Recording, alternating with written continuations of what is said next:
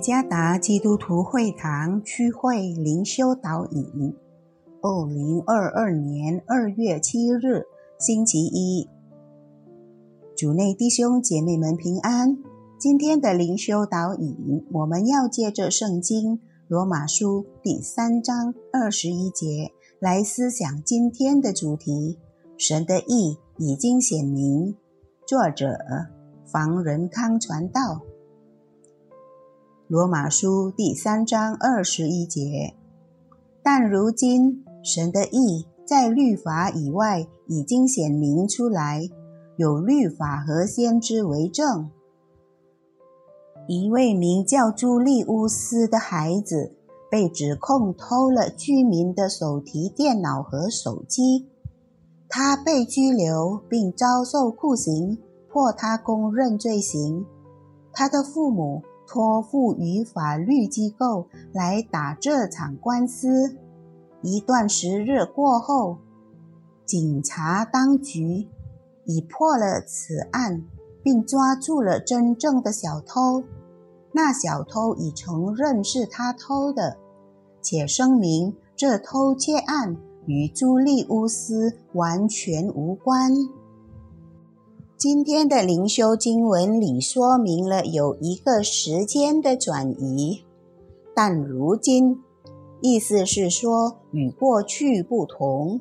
以前旧的是基于律法，而现在新的是不靠律法。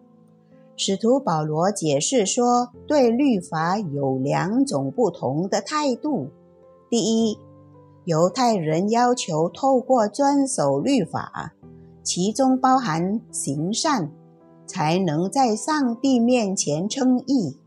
第二，信徒不需遵行律法，乃是借着上帝的恩典被称为义。上帝的义在律法以外已经显明出来，意思是说，在爱的恩典里面，善行是证据和目标，不是蒙恩得救的条件。所行出来的善行义举，并非为了要得拯救，乃是得蒙救赎的信徒必须做的事。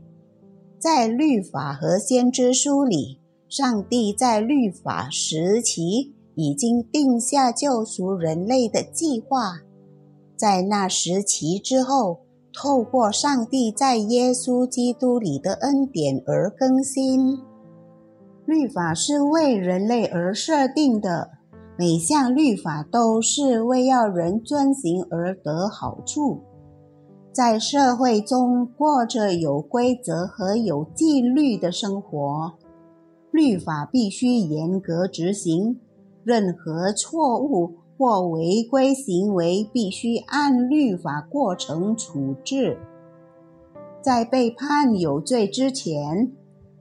有几项的条件要求必须备有，其中包含被告无罪推论、备有数位证人，同时附带违法的证据及其他等等。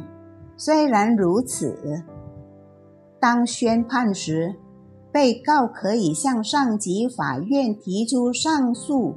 或向最高法院提出翻案，甚至可请求赦免宽大处理。在上帝的公义和救恩的观念中，没有人能正确和完美的执行上帝的律法。